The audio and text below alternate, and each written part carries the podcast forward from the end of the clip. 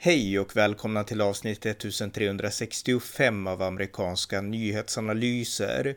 En konservativ podcast med mig, Ronny Berggren, som kan stödjas på swishnummer 070-30 28 95 0. Ungern målas här i Sverige ofta i svarta färger, men stämmer den bilden eller är det bara en nidbild? Den saken samtalar jag i detta avsnitt om tillsammans med svensk-ungraren Tord Finjak. Varmt välkomna! Tord Finjak, välkommen! Tack så mycket Ron.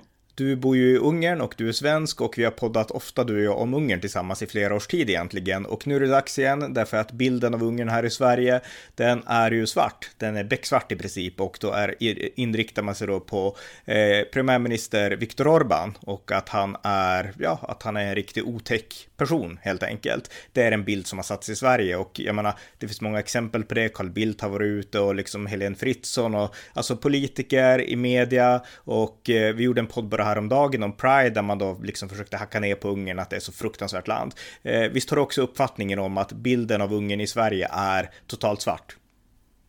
Mm. Det, det, är, det, det, det är den. Den är, eh, den är nästan, ja, det, man målar ju upp Ungern som eh, värre idag än vad det var under kommunismen ju. Mm. Och, ja, hade du med, ja, vill du säga något mer om det? Nej, men alltså jag kommer ju ihåg eh, eh, jag kommer ihåg eh, när det var diktatur i Ungern och, och i vår första podd så berättade jag ju ganska öppet där vad som hände mig på 70-talet, bland annat i Ungern när det var diktatur på riktigt. När man inte fick eh, säga vissa saker. Eh, Eh, när folk försvann på nätterna eh, och så vidare. Va? Och eh, då, då hade man ju då hade man ju inte alls, då målade man ju liksom inte upp den kommunistiska diktaturen alls på det sättet. Men idag när Ungern har en demokrati, Ungern har en folkvald Eh, Eh, regering, eh, det är inga förföljelser på folk. Eh, går folk och lägger sig på kvällen så vaknar de hemma på natten, hela familjen, utan att någon har försvunnit. Oavsett vad de uttrycker sig på internet och så vidare och så vidare. Så att jag tycker att det är en otroligt det, det, det, är en eh, jätte, jätte orättvis bild av, eh, av uh, Ungern. Och jag kan väl säga att jag kan skilja på diktatur och jag kan skilja på demokrati. Då jag har varit här nere när det har varit en diktatur och mm. vet hur det funkar. Och det verkar ju som om många svenskar inte kan skilja på och inte vet vad en riktig diktatur är. Helt nej, nej.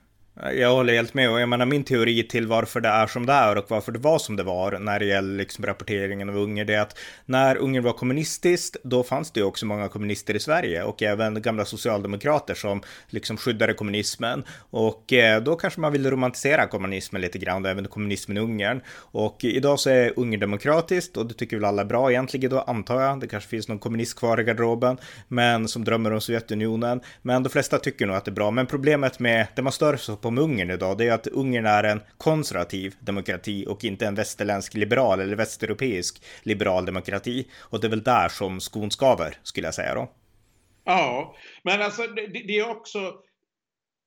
Eh, Ronny, både du och jag har ju legat ute och diskuterat och sånt med människor hit och dit på, på, på nätet. Alla pratar om liberal demokrati, men ingen har förklarat för mig i alla fall vad en dem eh, liberal demokrati är. Jo, de säger, de, de, de, säger yttrandefrihet. Ja, men det finns det här i Ungern också. Mm. Yttrandefrihet. De säger, eh, eh vad ska vi säga, eh, fria val. Och det finns det också här i Ungern. Fria val. Det finns jättemånga partier att välja mellan. Gör det. Allt från yttersta eh, så långt ut man kan komma till, till höger utan att kalla sig för nazist, eh, så att säga. Va? Eh, för att nazism är ren nazism, när man kallar sig nazist här i Ungern, det får man inte göra. Och, och eh, heller inte använda sig av nazistiska symboler. Och man får heller inte använda sig utav de kommunistiska symbolerna. För Ungern har ju upplevt båda typer utav de där eh, ideologierna. Så, så, de vet, så man kan säga att Ungern tar tydligt avstånd från all totalitarism, både höger och vänster? Ja, det gör de ju. Det gör de. Mm. Men, det, ja. Ja, och, och, och jag menar alltså, jag har aldrig fått förklaring, Roni, vad, vad liberal Eh, är det någon som hör detta? Är det någon som hör detta avsnittet nu? Så nu går jag in på, ditt, eh, på dina domäner här Ronny, men snälla i fältet under den här eh, eh, podden som Ronny gör med mig idag. Förklara för mig exakt vad som skiljer en liberal demokrati och den demokratin som finns i Ungern. Snälla, gör det. Min, min egen förklaring då, om jag får börja innan kommentarsfältet fylls av kommentarer, det är att alltså, vad liberaler här i västra Europa menar när de pratar om en liberal demokrati, det är att man inom demokratiska länder ska ha samma värderingar och samma syn på sakfrågor, oavsett om det är klimatet, migration eller hbtq eller annat som man har i västra Europa. Och annars är man inte en demokrati, så att det handlar inte bara om folkval längre, utan att folk ska välja, inom parentes, rätt val också. Det är den västeuropeiska synen på demokrati idag, och det är inte liksom, det är inte filosofiskt filosofisk syn på demokrati, utan det är en aktivistisk syn. Och eh, jag skulle säga att det är definitionen här i västra Europa idag, tyvärr. Okej, okay, så eh, man ska alltså ha ett, någon form av konsensusdemokrati. Ja. eh, och det påminner, i, i mitt sätt att se på det, så påminner ju det om eh, den kommunistiska diktaturen som var här ganska bra. Att den som den som faller ur konsensus, som råkar besitta en annan eh, tankeidé eh, eh, om saker och, och, och, ting, på den tiden låstes ju in. Mm. Eh, eh, jag vet inte, då har, man, då har jag ju en då förstår jag ju den här så kallade åsiktskorridoren som är ganska tydlig i Sverige. att Du får tycka vad du vill bara du håller dig innanför den här korridoren. Faller du ut, så ska du brunmåla, stämplas, etikettera. Ja, det jäkla jobbigt men eh, sättas etikett på. Ja. Nej, men, nej, men det är exakt den konsensuskulturen. Jag menar, I östra Europa under kommunismen, då fanns det folkets fiender, de som tänkte fritt och eh, det finns folkets fiender i demokratierna här i västra Europa idag också. De som tänker fritt, de blir utestängda från jobb kan de bli, de blir utestängda från sociala medier, de kan bli anmälda för hets mot folkgrupp, alltså sticker du ut på fel sätt, då spelar det ingen roll att du följer liksom demokratins, den riktiga demokratins grundvalar, liksom att, att kriga med ord istället för med våld. Det, det räcker inte, utan Eh, tycker du fel, då, då, liksom, då blir du nerhackad där. Eh, inte lika hårt såklart som under riktiga kommuniststyren, det finns inga gulagläger i Sverige, men det är ändå samma princip att tycker du fel, minsann, då ska du straffas. Och eh, ja, den här konsensus, konsensuskulturen finns ju här och man brukar prata om eh, ja, eh, liksom skendemokrati och demokratur och liknande. Och det är väl en bra beskrivning av västra Europa idag. Ja, men då är Ja, jag vet inte. Då tycker jag ju det låter mer som om att man väljer sin diktator bara var fjärde mm. år. Ja, lite så, lite så tyvärr alltså. Så att eh, de parallellerna måste göras för att det är liksom i synnerhet i kontrast till svartmålning nu som görs av Ungern. För som du sa, Ungern har upplevt totalitarism i alla former. Sverige har inte alls gjort det. Så därför vet man i Ungern vad man ska vara på vakt mot och det är det vi ska komma in på här. För den här svartmålningen av Ungern, den finns ju i Sverige, den finns i Europa, i västra Europa och den finns också i USA och eh, i synnerhet då från Joe Biden-administrationen och från liberaler i USA har svartmålat Ungern väldigt länge. Man blandar ihop man pratar om Ungern och man pratar om Ryssland och liksom, man kan till och med gå så långt bort som Kina liksom och sådana saker. Så att jag menar, det finns inga, ja, man, man har liksom inget, man har tappat all sans, all rim och reson. Och nyligen så var ju den här konservativa tv-världen från USA, Tucker Carlson, som är väldigt känd i konservativa kretsar. Han åkte till Ungern och han intervjuade Viktor Orban och han gjorde ett jätteintressant inslag om Ungern. Och det finns på YouTube som alla vill se, Tucker Carlson uh, Hungary kan man säkert googla på. Och uh, han förklarar då Tucker Carlson att i USA så är det en total svartmålning av Ungern, men när man kommer till Ungern och upplever Ungern, då inser man att Ungern är ju friare än i USA. Och Tucker Carlson förklarar att i USA, om du bor i en liberal stad, då kan inte du gå ut och säga att till exempel Joe Bidens politik är värdelös, därför att då riskerar du att bli avstängd från sociala medier och du kan till och med utsättas för våld. Du kan behöva livvakter, det är jättevanligt i USA, därför att du kan utsättas för våld om du har fel politisk åsikt. Jag menar, hade du en Trump-keps i Los Angeles för två, två, tre år sedan, då åkte du på stryk. Så jag menar, den yttrandefriheten finns mest i teorin i USA, men inte i praktiken. Eh, men alltså Ungern, där kan du säga vad du vill om Orban. Det är ingen som åker på stryk och Orban har knappt några livvakter när han åker omkring. Skulle vara helt otänkbart i USA för en amerikansk president eller en guvernör för den delen. Så att Tucker Carlson gjorde verkligen de här skillnaderna och när man såg det här inslaget så insåg man att det här är liksom, han har helt rätt. Jag personligen har aldrig varit i Ungern, men du bor i Ungern, jag känner andra som bor i Ungern och så. Eh, och eh, ja, jag tror att han gjorde en helt korrekt analys. Vad är dina tankar om det här programmet? För jag förmodar att du också har sett det då. Ja, jag, jag, självklart. Jag försöker följa väldigt mycket det som är i Ungern och, och eh, kolla på eh, till exempel olika, jag kollar olika källor, eh, även om eh, CNN eller någon sån liberal också skriver och Tucker Carlson är ju väldigt intressant att lyssna på tycker jag också. Och eh, jag försöker följa honom när det gäller USA med. Jo, jag har sett den. Jag tycker också det, det, det var en väldigt bra intervju. Och han var ju till och med nere här vid gränsen och tittade och blev imponerad av vilken ordning det var i, i, i gränsen här i Ungern.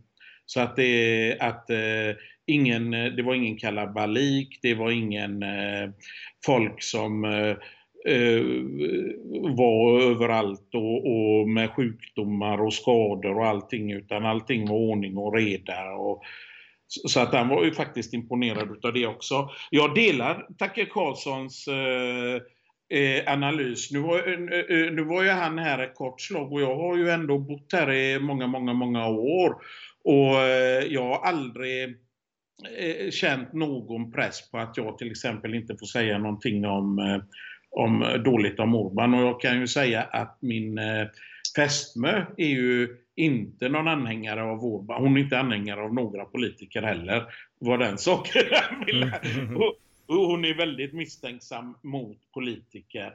Eh, men eh, och hon uttrycker sig ganska fritt här.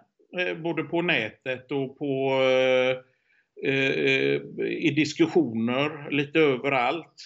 Och eh, jag har vänner här som är inom eh, försvaret till exempel. Och där kan man ju tänka sig att eh, där är det nog bara Orban-anhängare, men det är det inte. Utan att där finns det, eh, som i Sverige då, anhängare av andra partier. Och jag har även sådana vänner och de har vilda debatter på sin arbetsplats, väldigt öppet, utan att eh, det händer någonting. Att det kommer liksom Fidesz-anhängare och och slå dem. Mm. Så att det, det, eh, jag tycker han gör en rätt analys där. Du kan säga vad du vill i Ungern idag, eh, Ronny. Hade du inte fått göra det så hade alla de här eh, sidorna på Facebook som är ungerska, det finns jättemånga eh, sidor på Facebook som är eh, mot Orban de hade ju varit borttagna på, jag vet inte om de hade varit öppna på, alltså med dagens teknik så hade de försvunnit inom en kvart. Mm. Mm. Och, och, och, då hade man ju haft eh, Säkerhetspolisen knackande på dörren väldigt snabbt om man eh, driver sånt motstånd. Så att det, det, det ja, Mm. Jag, tycker han har, jag tycker han, jag känner inte igen mig överhuvudtaget i den bilden som målas upp. Nej, nej precis. Nej men svartmålningen är total som sagt, både i västra Europa och i USA. Och det är därför vi gör den här podden, för du och vi har poddat väldigt mycket ingående om olika respektive ämnen. Och eh, liksom förklarat då att här har svensk media fel när man pratar om olika saker då som har med Ungern att göra. Och i det här avsnittet så ska vi lite sammanfattande gå igenom några av de punkterna, för det är några punkter som alltid kastas fram när man liksom då försöker påvisa och måla den här halmgubben av att Ungern är så fruktansvärt land. Jag menar, vår statsminister Stefan Löfven, han är med på det tåget som svart svartmålar Ungern och man kastar fram liksom bilder och sen så tar man för givet att den svenska allmänheten ska tro att det är så. Och det är inte för att de här bilderna som kastas fram av Ungern bygger på fakta, utan det är för att man har, man har liksom repeterat det så ofta, Ungern är ett dåligt land, att det har fastnat på näthinnan hos den svenska allmänheten utan att man egentligen vet varför. Och sen spelar man på att det har fastnat på näthinnan och fortsätter kasta fram Ungern, Ungern och SD, Ungern och så vidare och så vidare. Och eh, det här är ju väldigt lätt att punktera genom att bara gå in på sakfrågorna, men det görs aldrig och därför tänkte jag att det ska vi göra idag, du och jag, och gå in då på några av de här äh, sakfrågorna som alltid anförs mot Ungern. Och jag tänkte börja med det senaste och det har att göra med att äh, just nu här i Sverige så pågår ju Pride-festivalen då, Pride-veckan, när man firar hbtq och homosexualitet och andra saker och äh, ja, i viss mån individuell frihet, men bara i viss mån. Och då har ju Ungern kommit upp hela tiden. Jag såg ett inslag på tv, om det var på TV4 med Jonas Gardell, där man liksom ältade Ungern, vad hemskt det är i Ungern, det går bakåt och så vidare. Och eh, om vi börjar med den frågan, synen på hbtq, därför att bilden som framställs här i Sverige, det är att Ungern är en light-version av Iran eller av talibanerna i Afghanistan när det kommer till hbtq-frågor. Och mm. eh, du får prata på fritt. Jag ställer bara frågan, är det så? Nej. Nej. Det är det. Det, det, det är det korta svaret, Ronny. Uh, det... Ska vi ta Pride då? Det var ju Pride i, i Budapest här för, jag vet inte, var det två veckor sedan? Okay. Det var Pride. Ja. Eh, 30 000 tror jag det var. Eller ja, 30 000 tror jag det var. Okej, okay, glöm siffrorna. Det var väldigt många i alla fall som, som gick i tåget och eh, eh, det var ingenting som hände eh, där. De rörde sig fritt i hela stan. Det var ingen som hoppade på dem. Det, ehm, eh, det var en liten motdemonstration mot dem, men jag menar det är yttrandefrihet och då får man göra det. Men det var inga så att säga konfrontationer på något sätt. Det var inget våld som utfördes. Polisen fick väldigt mycket beröm för, också för att de eh Eh, lyckades eh, på ett mycket professionellt sätt eh, hålla ordning på de få motdemonstranterna som var där utan att det överhuvudtaget uppstod några incidenter. Och efter det så gick de hem. Och sen så var det färdigt med det. Och, det, och jag tror att man får väl alltid räkna med när det är, är sådana här eh, manifestationer hit och dit att det finns ju alltid de som tycker olika. Eh, det, det gör det ju. va. Mm. Och det, det, det, kan man ju inte, det är ju samma sak. Det finns ju de som tycker om mig och så finns, och, och, så finns det de som definitivt inte tycker om mig. Och det får jag ju acceptera att det är, är så, för det, det, är ju ingen mänsklig rättighet att bli omtyckt utav alla. Det, däremot är det en mänsklig rättighet att få rätten att eh, uttrycka sig, att du faktiskt inte tycker om en eh, företeelse. Det är en mänsklig rättighet. Men inte att bli mm. omtyckt. Ingen mänsklig rättighet. Nej, så det, det hölls alltså en stor Pride-festival i Ungern i, i liksom, ja, ganska nyligen då. Och eh, ja, så att det är intressant bara det, för att det är någonting som det framkommer knappt i Sverige att det ens kan vara så. Och är det så så menar man att då, då är Orban jättearg och Fidesz jättearg och så. Så att eh, intressant. Men om du pratar lite i allmänhet om vilka rättigheter man har som homosexuell i Ungern och liksom likheter och skillnader från Sverige. Ja, i stort sett samma. Eh, jag, eh, eh, eh, jag är inte insatt i detta nu Rune, det, det, det, så att du vet det. Jag är inte insatt i jättedetalj. Eh, eh, så, för det, det kanske inte är en fråga som jag har fördjupat mig jättemycket i. Va? Men eh, jag skulle vilja säga att det är i stort sett samma rättigheter eh, som du har i, i Sverige. Det vill säga att Eh, Eh, eh, eh, du är ju skyddad i lag som homosexuell i Ungern. Det är ju ingen som har rätt att till exempel inte ge dig arbete bara för att du är homosexuell. Eller att du ska bli arresterad bara för att du är homosexuell. Jag, alltså, jag tror det var SVT hade hon Elin, vad heter hon som var i Ryssland? Eh, där före. Hon gjorde ett sånt tuntigt reportage, eh, kommer jag ihåg, där hon gick hem till eh, ett homosexuellt par. Och så var det sådär släckt i hela lägenheten och där satt de med tänt ljus och så började ja, så här. Ungefär som att nu måste vi prata tyst för att hemliga polisen kan komma. Och, och... och det, det, var i Ungern alltså, eller? Ja, då var hon i Ungern och gjorde det här reportaget. Och, och, och, eh, nu måste vi liksom prata tyst om detta och vi får inte röja de här eh, homosexuella människorna. Ungefär som att eh, Ungefär som att eh, ungerska hemliga polisen skulle bryta in och, och skicka dem till arbetsläger. Det, första, alltså det var så tuntigt det, eh, det, det reportaget. Så jag kunde bara garva. Men det, det, egentligen ska man inte garva för det är ju den bilden svenskarna får då. Mm. Men jag kan ju säga, jag nämnde ju det här, jag kan ju säga att det bor ju en eh, homosexuell eh, transvestit här eh, som jobbar som eh, eh servitör i en av eh, restaurangerna i mitt samhälle. Och han rör sig då minsann väldigt fritt och är öppen med sin homosexualitet. Och det är ingen som har gett sig på honom, varken eh, poliser eller eh, allmänhet. Så att det, alltså det är så löjligt. Men det är, det är jätteintressant att du säger så. För jag menar, om vi tar i den islamiska världen, jag menar, han hade inte levt om han hade bott i Iran eller liksom Jemen eller något sånt där land eller Afghanistan. Men, men liksom, rynkar folk på näsan bakom ryggen eller bryr man sig inte om det? Liksom, att han man är bryr sig inte. Man bryr sig inte. Man bryr sig inte. Alltså, Eh, Eh, ni ska veta det att i Ungern så har man annat att tänka på. Va? Det är, eh, eh, det, det, det, det, folk här har, de sitter inte och med kikare och tittar om grannen springer omkring naken på andra sidan lägenheten eller, eller, eller, eller någonting sånt där. De, de har sitt egna liv. De har sitt egna liv och få plus och minus att gå ihop eh, när månaden är slut. Va? Mm. Och det är liksom vad andra gör, det är inte, det är inte mitt bekymmer vad andra gör. Och, och, och sådana här saker.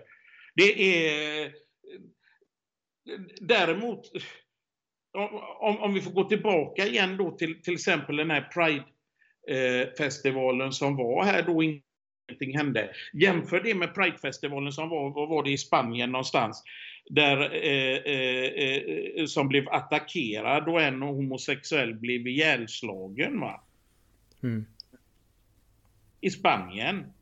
Ja, och där hör man inte ett ord. Jag skulle tro att det beror på att eh, Spanien är en del av EU. Det går inte att kritisera Spanien på det där sättet eh, som man, som man kan med Ungern på samma sätt. Jag skulle säga att det beror på det, därför att det är intressant också med Ungern. Jag menar, Spanien är fortfarande väldigt katolskt. Eh, vi har andra strikt katolska länder, Polen främst i östra Europa skulle jag säga, där religionen verkligen betyder mycket och där så är man ju liksom, man anser att homosexualitet är synd i princip inom de här katolska lärorna. Ungern är också katolsk såklart i grunden, men Ungern är mycket mer blandning, så jag menar, Ungern är väl egentligen egentligen mer tolerant än många andra länder i östra Europa i de här frågorna.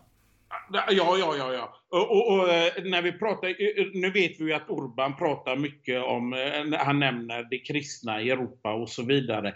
Men det är det, det, är det kulturella han pratar om gör han när han pratar om att det är den kristna kulturen. Ungern, ungrarna är lika sekulära som svenskarna skulle jag vilja säga. Mm vad det gäller det. Jag har inte märkt någonting om att religionen styr ungrarna på något sätt.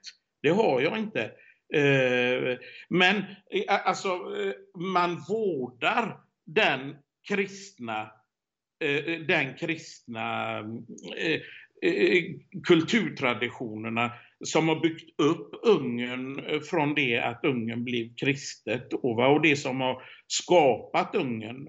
Eh, så det är ju den kulturella biten som man vaktar och värnar om. Men inte att man, inte att man lever efter, efter eh, liksom kristendomen på, på något sätt. Man är sekulär, man lever sekulärt. Mina vänner som har varit här från Sverige eh, Eh, eh, liksom, de känner sig lika eh, fria med, med mina ungerska vänner och, och, känner inte alls på något sätt att Åh, här är det religiöst liksom och så vidare och så vidare utan att de, de, ja, de är som de är i Sverige och de behöver inte tänka på någonting med det här med... Det märks inte eh, överhuvudtaget det här med... Och sen så ska vi veta det att Orban själv är ju faktiskt protestant. Mm. Eh, jag tänkte sista sak också på det här innan vi går vidare till nästa ämne. Det, alltså bara rent konkret, jag frågade det i den podd vi gjorde också om det här. Men om ett lesbiskt par eller ett uh, gaypar skulle gå omkring hand i hand eller kyssas i liksom, ja, på någon gata i Budapest. Skulle folk bry sig då? Eller skulle man bara liksom gå förbi och precis som i Sverige skulle man liksom, ja, ingen, ingen grej? Man skulle bara gå förbi. De, det, man skulle gå... Okej, okay, extremister finns överallt, det finns i Sverige också. Mm. Skulle, skulle de göra så framför näsan på en extremist så eh, skulle nog eh, förmodligen samma sak hända i Ungern som det händer i Sverige.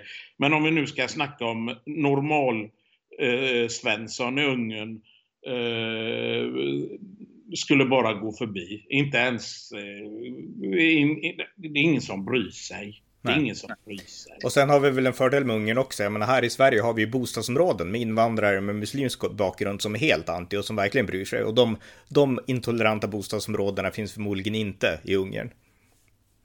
Nej, nej, nej, nej, nej, nej, nej. Det, det, det har du ju inte. Du, du uh, uh, jag har inte varit i Ungern och känt att det här bostadsområdet inte är ungerskt. Hänger du med? Mm. Uh, i, i, I Sverige jag vet, jag var i Hjällbo. Nej, inte Hjällbo, förlåt. förlåt. Angered eh, var jag. Och det här var ju några år sedan. Mm. Och det var inte som att komma till Sverige. Nej. Och, och sådana områden finns inte i Ungern? Nej, nej, nej, nej, det gör det inte. Det gör det inte. Eh, är du i de så kallade förorterna här i Ungern så är det fortfarande Ungern du, du är i. Just det. Mm. Ja, men bra, men då har vi avhandlat hbtq-frågan. Ungern är alltså inte Iran, det är inte Saudiarabien och det är inget talibanland, utan Ungern är toleranta mot eh, homosexuella, även om Ungern liksom värnar kärnfamiljen och tror att det är en bra byggsten och inte vill att ungdomar ska utsättas för propaganda, därför att det kan leda fel. Vi kan se hela den här transsexrörelsen och vi kan se liksom ungdomar som får en, ja, förfelad sexualitet för att de pådyvlas propaganda istället för att få bli vuxna först. Det är Ungern emot, men man är inte emot liksom individuell frihet eller att homosexuella homosexuella ska få leva som de vill när de är vuxna. Kan man sammanfatta det så? Ja, det tycker jag. Individuella, eh, jag kan ju känna, jag som kan jämföra Sverige och Ungern i och med att jag har bott i bägge länderna. Det är ju mina länder om man säger så.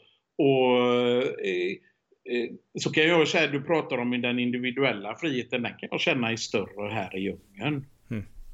Ja, intressant. Ja, vi går vidare till nästa ämne då. Och nästa ämne jag tänkte ta upp det är lex corona, eller rättare sagt de här äh, coronalagstiftningarna som kom förra året. Det var ju så att förra året drabbades hela världen av coronan, pandemin, och Sverige var ett av de här länderna som inte agerade speciellt hårt eh, alls i början.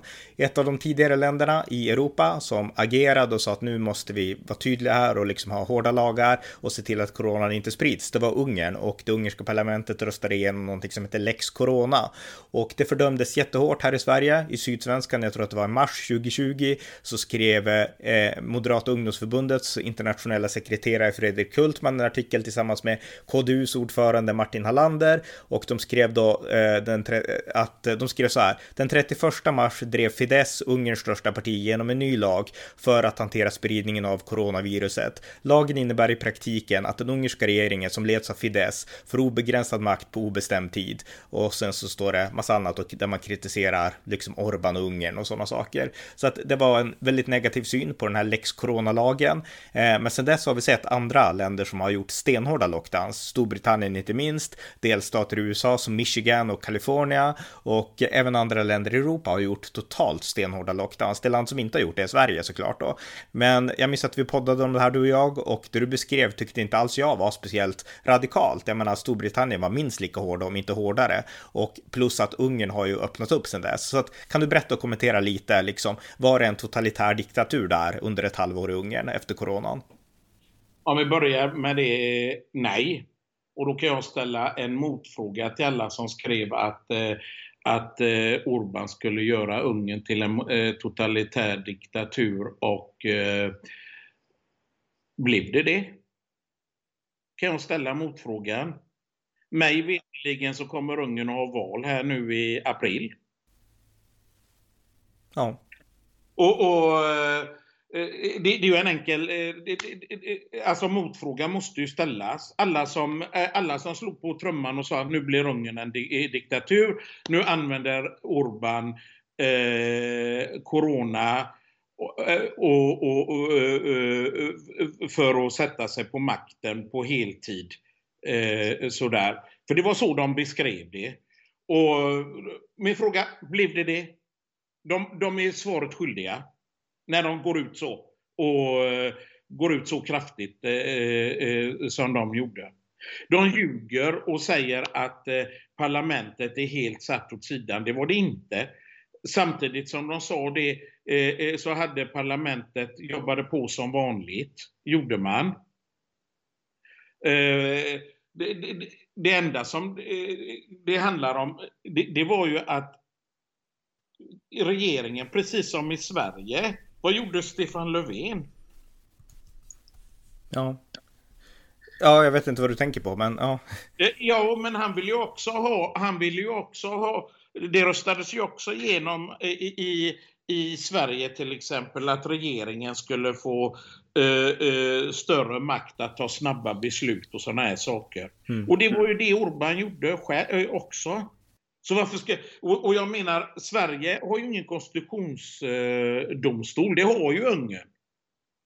Så om Orban skulle gå för långt så hade ju de nöpit, eh, eh nöpit honom. Mm. Ja, så att jag menar,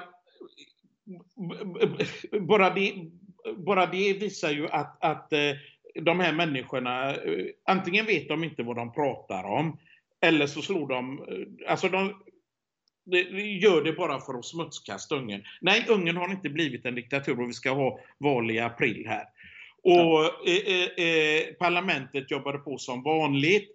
Hur var det att leva här? Jo, det, det är ju klart att det blev ju lite eh, regler eh, att leva efter. Det ska vi ju inte eh, sticka under stol med.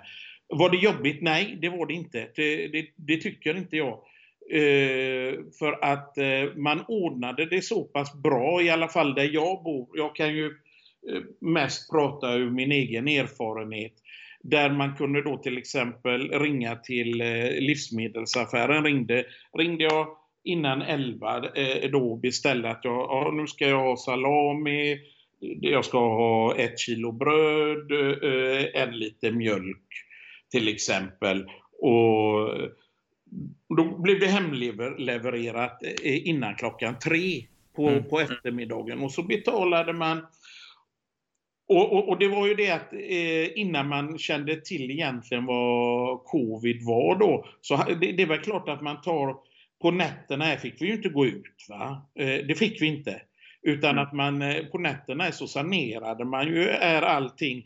Brandkåren åkte ut och sprutade räck räcken och, och, och, och, och sådana här saker för att och, uh, försöka få bort covid-bakterier och sådana här saker. Och sen så kom det ju då eh, att eh, eh, man delade upp det generationsvis då, att man fick vara ute då, att varje generation då här i byn då fick, eh, eller samhället, fick eh, gå ut på bestämda tider. Mm. Så, att man, så att det inte skulle bli för mycket folk i samhället och att eh, man skulle skydda de gamla. Ja, jag förstår. Jag förstår. Men, men då, jag skjuter in några, två frågor här då. För att det här, det visar ju helt enkelt att man hanterade det där på ett sätt som, det var nytt för Ungern och för hela världen och man försökte hantera det ansvarsfullt. Här i Sverige gjorde man ju inte det där i början. Det var väldigt många äldre som dog här i Sverige. Men, men två saker då. Dels så har vi ju länder som vi aldrig någonsin skulle liksom beskylla för totalitarism. Dels har vi Storbritannien och jag minns en sak som jag läste förra året och det finns ju hundratals exempel, liknande exempel nu då. Men jag tar det jag kommer ihåg och det var att i Storbritannien förra året när det var lockdown i London, då var det någon som hade rapporterat att grannarna är fler i lägenheten än, än de borde få vara och polisen störtade in i lägenheten för att kolla om de hade besök och det kändes ju väldigt totalitärt. Jag minns i USA två saker. Dels så var det några ungdomar som var ute i en skateboardpark och liksom i, i Los Angeles och skatade under deras lockdown och då kom myndigheterna dit med en stor grävskopa och fyllde sand över hela den här skateboardparken och man tänkte liksom okej, okay, lite överdrivet kanske. En annan ser från New York York förra året. Det var en kvinna som gick från tunnelbanan i New York City med, ett litet, med sin dotter i handen och hennes mask som hon hade, det var ingen annan där, men hennes mask hade trillat ner så att liksom näsan täcktes inte och då kom det fram massa poliser, ryckte bort barnet och tryckte ner henne på marken liksom i New York City. Och jag menar, jag har aldrig hört något liknande, att det skulle hänt i Ungern. Gjorde det inte heller. Nej. Nej, du ser där. Och ändå anklagar man Ungern för att vara totalitärt i lex corona-avseende.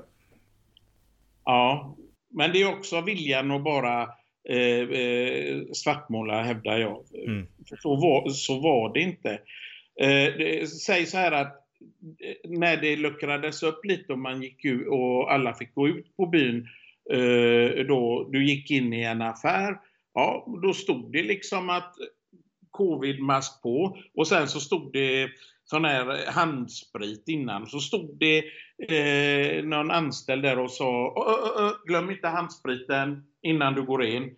Och då var det handsprita och sen så fort, eh, eh, eh fortsätter man. Jag skulle ju checka till mig och köpa sånt där plexiglas, du vet, för att slippa masken eh, och, och täcka över ansiktet eh, då med plexiglas för jag tänkte att det är, det är säkrare då för att då Eh, får man ingen eh, eh, bakterier och sånt mot mig. Men det, det är, man skulle ändå tydligen ha mask och då fick jag en tillsägelse bara ta på den masken, sa de bara. Ja men jag har ju plexiglas, sa jag.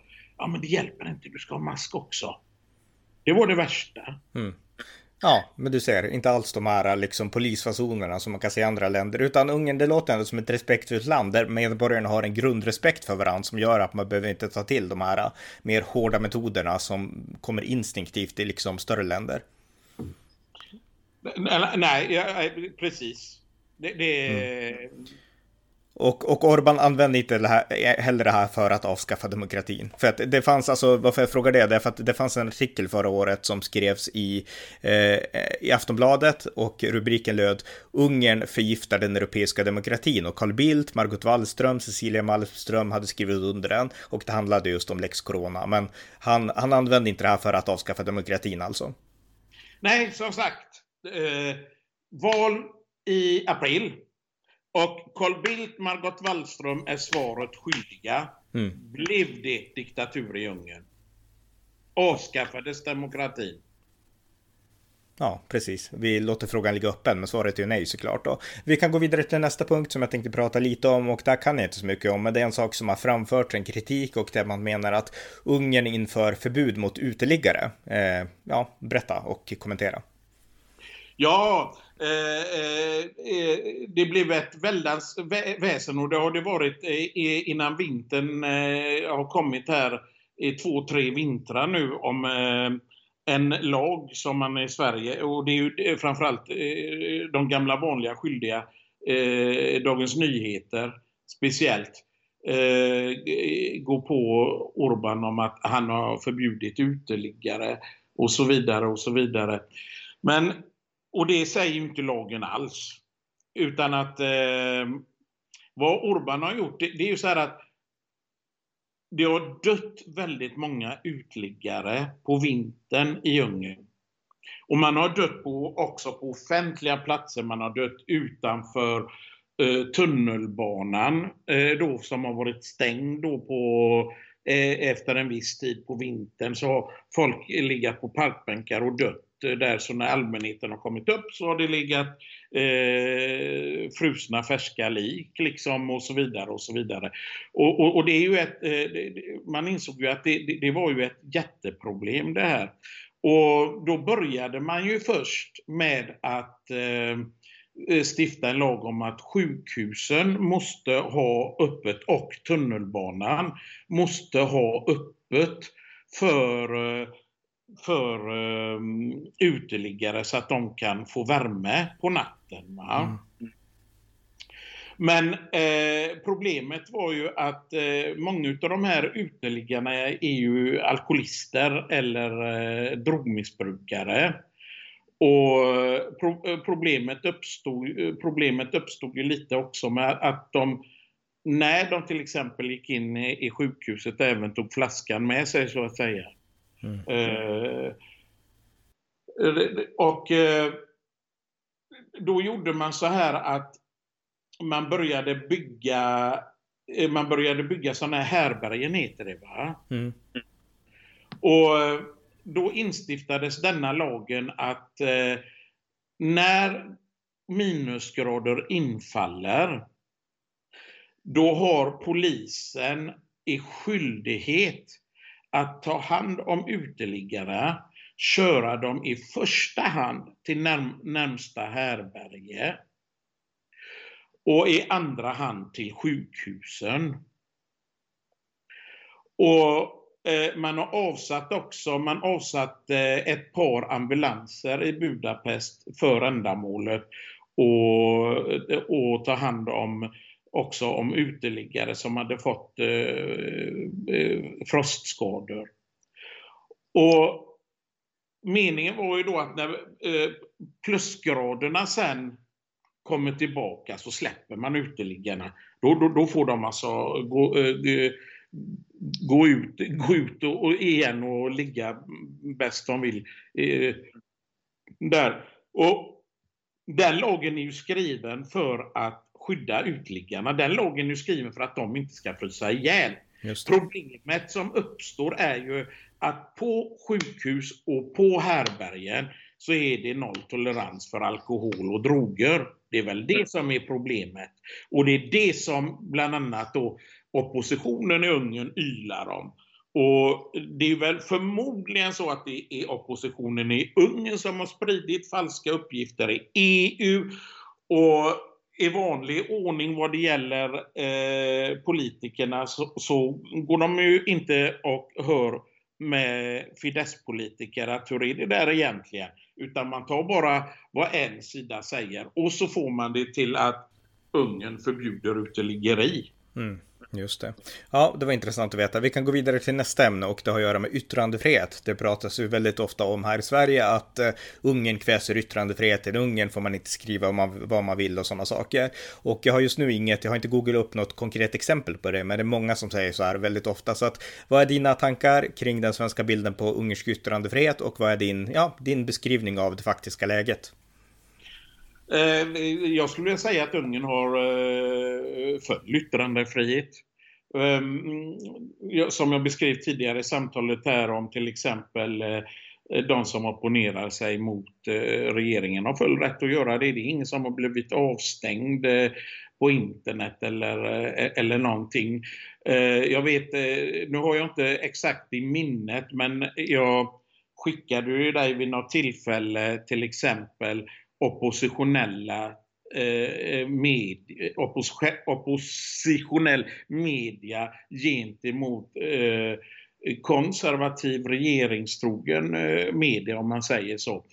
Och eh, där kunde du själv eh, se, jag vet inte om du kommer ihåg det, där var ju det är över dubbelt så mycket oppositionell media.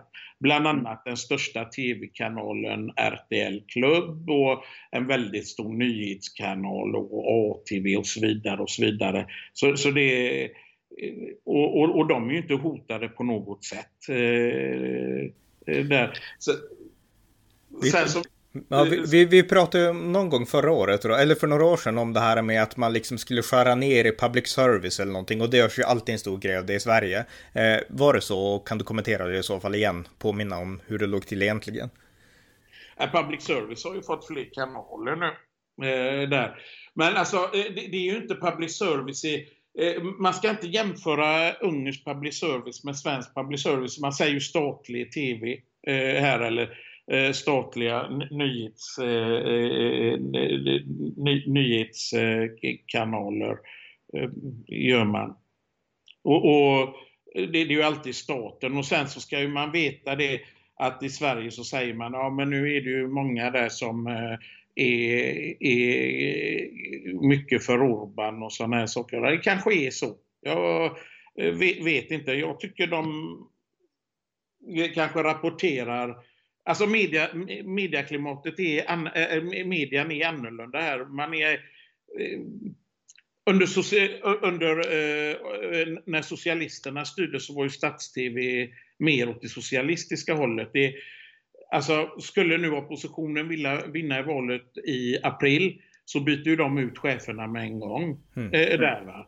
Och kommer eh, Fidesz tillbaka valet efter så kommer Fidesz att byta ut cheferna där. Och, och det, det, har fungerat eh, så hela tiden i, eh, i eh, Ungern, Ronny. Och mm, det, det, är liksom ingen, det, är ingen nyhet att det fungerar så. Så att det, men jag menar det är lika mycket då kanske vinklat åt det socialistiska hållet när eh, MSB satt i makten. Mm. Eh, ja, som det är nu när Fidesz sitter i makten. Va? Och det där kommer, det, det, det, det där, så kommer det alltid att vara. Och, och det där, där kan man inte få bort. Eh, det tror jag inte. Det ligger i systemet helt enkelt. Mm. Men Ungern är, ett land, Ungern är ett land med yttrandefrihet där man får uttrycka sig fritt om politik och vad man vill egentligen utan att staten kommer att lägga sig i. Jag menar, ja, man har yttrandefrihet på samma sätt som i Sverige. Ja, det har man. Och jag vet ju att det Eh, Annie Lööf där och eh, Federley eh, var ute och gapade om eh, att en eh, liberal politi politiker blev arresterad, det vill säga en oppositionspolitiker blev arresterad i, i eh, Ungern och gjorde stor sak av det ett litet tag. Och eh, det stämmer, men det var ju inte för att han var oppositionell utan han var med i en sån här eh, aktivistisk demonstration och slängde en brandbomb som träffade två poliser, en kvinnlig och en manlig, i ansiktet. Eh, och, och, den här kvinnliga och manliga polisens ansikte blev aldrig återställt igen. Va? Och då grep polisen honom. Och eh, om man tycker det är ett slag mot demokratin då så får jag ju ställa motfrågan då om eh, Jimmy Åkesson hade ställt sig på en viadukt och slängt en brandbomb som träffade en kvinnlig och manlig polis i ansiktet och, och, och vanställde deras ansikten för livet. Eh, hade man låtit honom gå då? Ja. Nej, nej, precis. Nej, men det visar återigen, alltså man, man liksom, man, det är cherry picking så att det heter duga. Alltså man plockar exempel för att bara svartmåla Ungern. Det går inte, det går inte att säga något annat än, än, än det. Nej, alltså man berättar halva sanningen. Man berättar mm. att han att han, ja, han blev arresterad. Ja, men man berättar inte vad han gjorde för att eh, eh bli arresterad. Eh, det, ja. Mm, ja, visst. Ja, eh, har du något mer att säga om yttrandefriheten eller ska vi gå vidare till att prata om kvinnor och jämlikhet?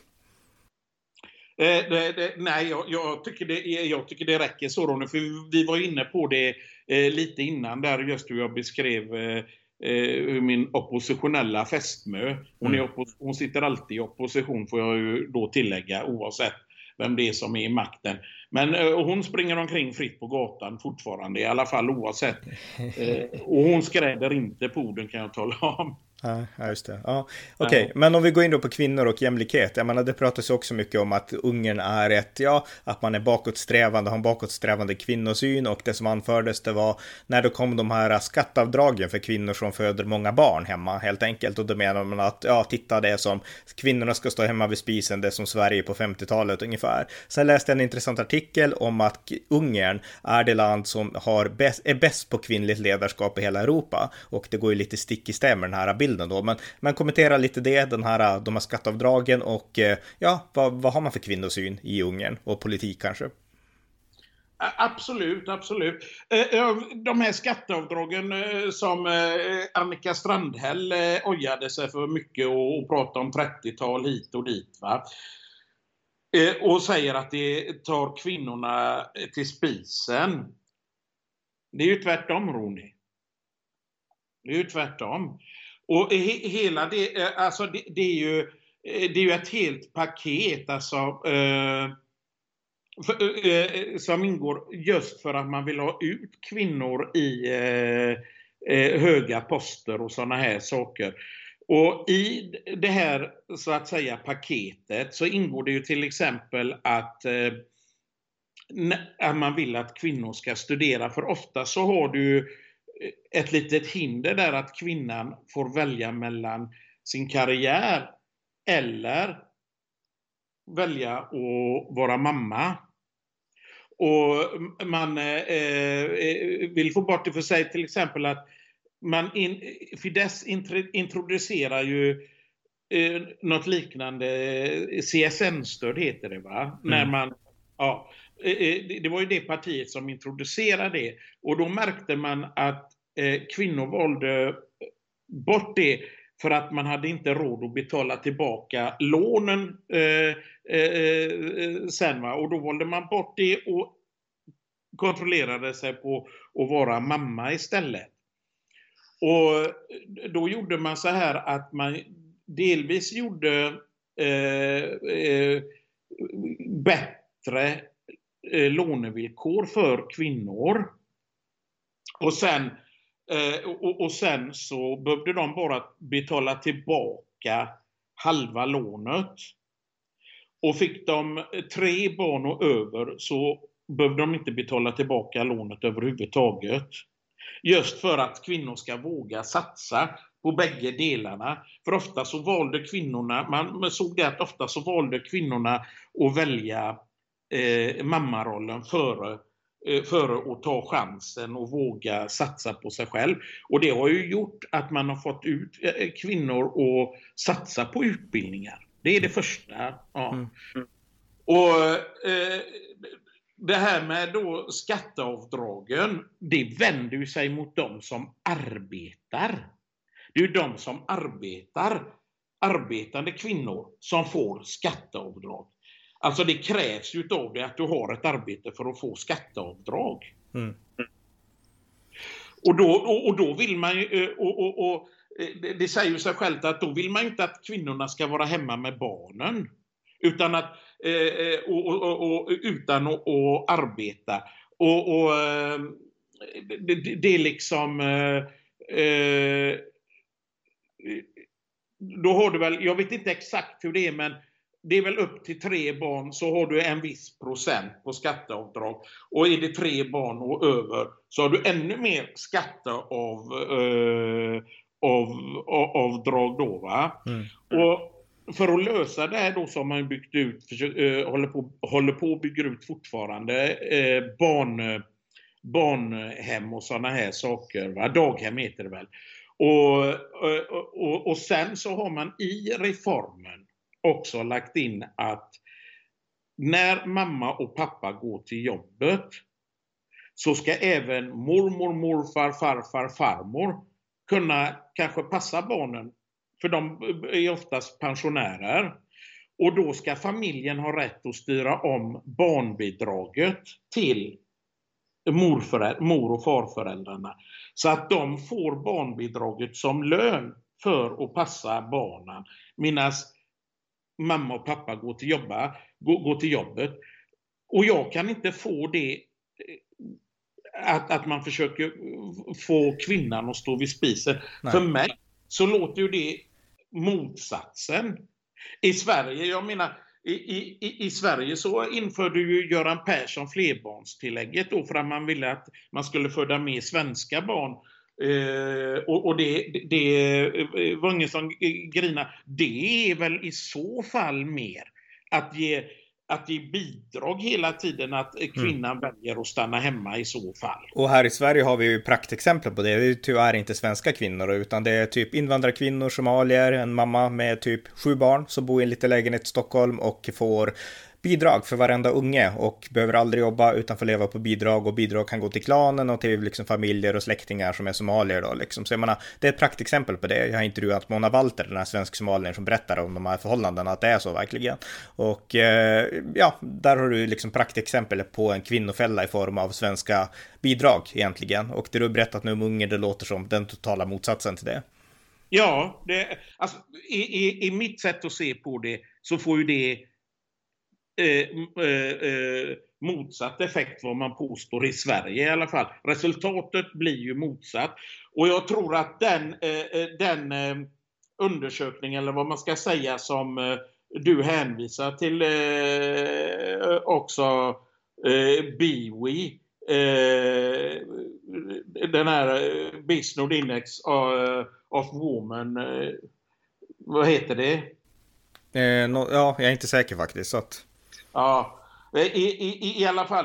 Eh, det, det, är ju, eh, det är ju en organisation i alla fall som, eh, kolla på eh, hur kvinnor ute i arbetslivet då, vilka positioner de har och så vidare. Jag tror det är den du... Ja, okej, okay, ja, då förstår jag. Precis. Mm, exakt, exakt. Ja. Mm. Och där låg ju Ungern i topp. Ja, precis, precis. Ja, men det var den jag menade. Jag trodde vi, jag, jag var inne på ett, ett, annat samtalsämne, men exakt, precis, det stämmer. Mycket väl, mycket väl. Eh, Bisnode Index of Women Influence, helt enkelt. Eh, precis, ja. att nej, men ungerska, ungerska kvinnor ligger i topp i näringsliv och så. Men jag tänkte, det har också varit prat om att Ungern, de har inga kvinnliga ministrar. Jag tror att det var någon svensk minister som sa så. Eh, kan du kommentera det? Ja, alltså, de två om vi bara tar de två mest inflytelserikaste politikerna i Ungern är ju kvinnor. Eh, du har Judith Varga eh, som är motsvarande eh, justitieminister då. Hon är väldigt inflytelserik. Och sen så har du Katalin Novak, hon som har gjort det här det här paketet som vi precis pratade om, hon är också väldigt inflytelserik i, mm. Eh, i, i Ungern. Och det är två starka eh, eh, eh, kvinnor. Eh, bara för att ta några exempel som jag nu direkt kan eh, komma på. Mm. Och det är två väldigt välutbildade kvinnor. Och är mammor bägge två. så. Ja. Om, vi, om vi bara tar, eftersom du bor i Ungern och har levt länge och upplevt Ungern under årtionden, liksom, alltså bara vanliga vardagsfrågor. Jag menar, eh, sexism, hur är, hur är det i Ungern i vardagen? Liksom utsätts kvinnor för mycket sexuella trakasserier? Och jag menar, eller liksom blir de, ja, och liksom kvinnliga chefer, blir de behandlade med respekt? Alltså som enkla frågor. Kvinnliga chefer blir behandlade med respekt, det tycker jag nog allt. Eh, jag samarbetar ju med ett företag som leds av en kvinna. En väldigt trevlig tjej eh, faktiskt. Där kan du se, hon bestämmer ska du ha klart för dig. Det är ingen som vågar eh, eh, eh trakassera henne. En, en chef i, i Ungern, en ledare i Ungern har en väldigt stark position. Har, mm. har, har man. Och det är, det är inte någon som gidrar med, eh, med de tjejerna kan jag tala om för dig. Nej, just det. Och det här med sexism då, alltså finns det, ja, det har väl alltid funnits i alla samhällen på olika sätt, men liksom, bara om du jämför Sverige och Ungern. Ja, alltså, jag tycker ju inte att det är, jag tycker, jag, jag, jag, tycker ju inte, jag tycker inte det, alltså det beror på vad, vad eh, sexism och, eh, jag vet inte om ungrare uttrycker sig annorlunda än vad Sverige gör när man pratar om tjejer och killar och sådana där. Jag tycker inte det. Sen så eh, är killar intresserade utav tjejer i Ungern så pratar man väl som i Sverige att Åh, jag tyckte hon var så himla snygg liksom och så mm. vidare och så vidare. Jag tycker det, man har rätt att säga så. Tjejerna här i Ungern uppskattar det också. Mm. Eh, de eh, tycker det är jätteroligt att få höra att de är snygga. Eh, ja. Så.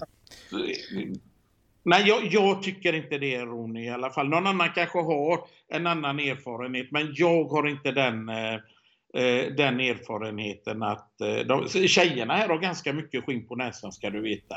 Ja, det kan jag tro. Det kan jag tro. Hur som helst, alltså man betraktar inte, det är inte Iran eller liksom något talibanland där man betraktar kvinnor som inte har hijab som horor. Så är det ju liksom inte. Nej, det kan du glömma. Men du har ett ganska, du, eh, du har ett ganska bra system eh, som jag eh, då kommer att tänka på till exempel. Eh, om du är ute och träffar en kvinna i Ungern, då ska alltid mannen, eh, eh, om du inte känner henne, då säger man Kessie eh, eh eh, till den här eh, eh, kvinnan då, det betyder något eh, liknande, jag kysser dig på handen. Gör det. Och, och det är för att visa vördnad för kvinnan. Och på det stadiet så pratar mannen och kvinnan i ni-form. Och så länge kvinnan, det är upp till kvinnan att bryta den eh, när hon börjar dua, mm. då eh, har mannen också, det är en sån här social kod va, då har mannen också eh, eh, rätt att dua. Men innan kvinnan duar mannen så gör inte mannen det. Och så länge kvinnan eh, pratar i ni-form, då, då vet mannen att att, han, mm. att, man måste hålla viss distans, alltså då är, då är gränsen kvar liksom. Mm. Att man måste hålla viss distans. Mm. En ungersk kvinna till exempel går inte till en främmande man och sätter sig i knät på honom. Nej. Det gör hon inte. Och, och, och eh, eh, liksom att, eh, eh som jag då har, har förut i, i mina ungdomsdagar har, har varit på puben och, och, och frågat en tjej då att eh, i, i niform och frågat en tjej om jag får eh, bjuda henne på någonting att dricka. Ja, det får du gärna. Och så börjar och så bjuder man henne på att dricka och så pratar man med, eh, med henne. Håller hon fortfarande och pratar med dig i niform eller, och sen bara säger så här. Tack så hemskt mycket för ölen, vinet, drinken och så går hon. Ja. That's is that. Mm. liksom. Så du har, du har, tycker jag, koder i språket som inte det går inte att, att, att mista. Det är kvinnan hela tiden som bestämmer. Ja, men då kan man väl nästan säga i sådana fall, bara för att avrunda just det här pratet om kvinnor och jämlikhet, att det är mer, det är mer gentlemannamässigt i Ungern än i Sverige, för här ska allt vara jämlikt och det kanske låter bra i teorin, men i praktiken så kan det kanske till och med bli alltså att kvinnor får det sämre.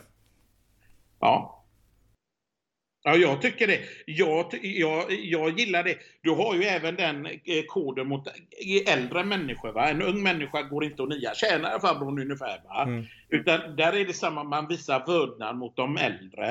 Eh, det måste jag eh, tillägga. Utan till äldre, både män och kvinnor, så säger man Kessie Chocolom.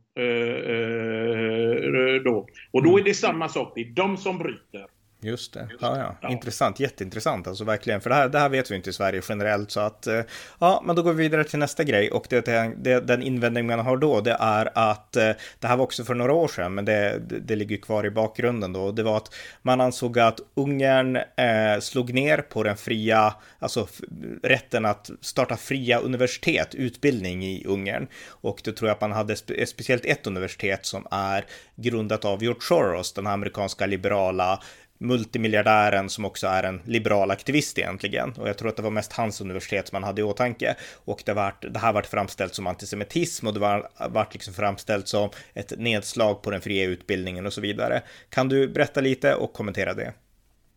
Mm. Eh, eh, det finns ju en lag i eh, Ungern som säger att eh, eh, för vad, eh, det här CU är det som du pratar om här de ville ju eh, eh, dela ut eh, amerikanska eh, avgångsbetyg och sådana här grejer. Och då finns det en lag i Ungern som säger att eh, det får du göra. Men då ska du vara ett amerikanskt universitet. Och CU är grundat av Soros i Ungern. Och de hade ingen, eh, heller ingen amerikansk filial då, eller vad man ska säga. Va? Och det här universitetet, de vägrade att eh, gå eh, lagen till mötes. Man skapade väl i USA en sån här, vad ska man säga, eh, Luxemburgs Eh, postadress i en, någon jävla brevlåda. Men det tyckte inte ungrarna var seriöst. Eh, eh, då. Så man har vägrat. Och ett bevis, liksom om alla här går in och till exempel söker på ett universitet från ett annat amerikanskt universitet som heter McDaniel University som också finns i Ungern. De delar ut amerikanska avgångsbetyg. Mm. Och för dem har det då inte varit några problem alls att eh, eh, hänvisa eh, att de har då, eh, att de är ett amerikanskt universitet och de har en eh, eh, fast plats i USA. Och det finns andra utländska, det finns tyska universitet som också har klarat av det. Men just det här CU, Soros universitet, av någon anledning eh, lyckas inte att eh, uppfylla kraven. Att, uppfylla kraven. Och, och det, kan man, det kan ju var och en sen fråga sig varför de inte vill uppfylla de kraven när alla andra utländska universitet lyckats så bra med det. Mm. Och då har ju de börjat med att eh, ja men då flyttar vi från Ungern då. Och eh, då frågade man ju i Berlin först, då skulle man ju starta ett CU i Berlin då som delade ut amerikanska eh, eh, betyg. Men där åkte man ju på pumpen för att tyskarna har ju nämligen samma lag som Ungern har vad det gäller det. Och det nämner man inte i Sverige. va? Och till slut så lyckades man ju då öppna i Wien i Österrike. Men då är det ju så här att det är bara en del av det universitetet som flyttar ut till Wien. Nämligen det är den delen som delar ut då amerikanska avgångsbetyg. Uh, resten är Ungern, så det är ingenting som är utkört. Mm. Uh, här. CU finns kvar i, uh, i Budapest och det kan ni ju söka på på internet. CU ja. Budapest så ser ni det där.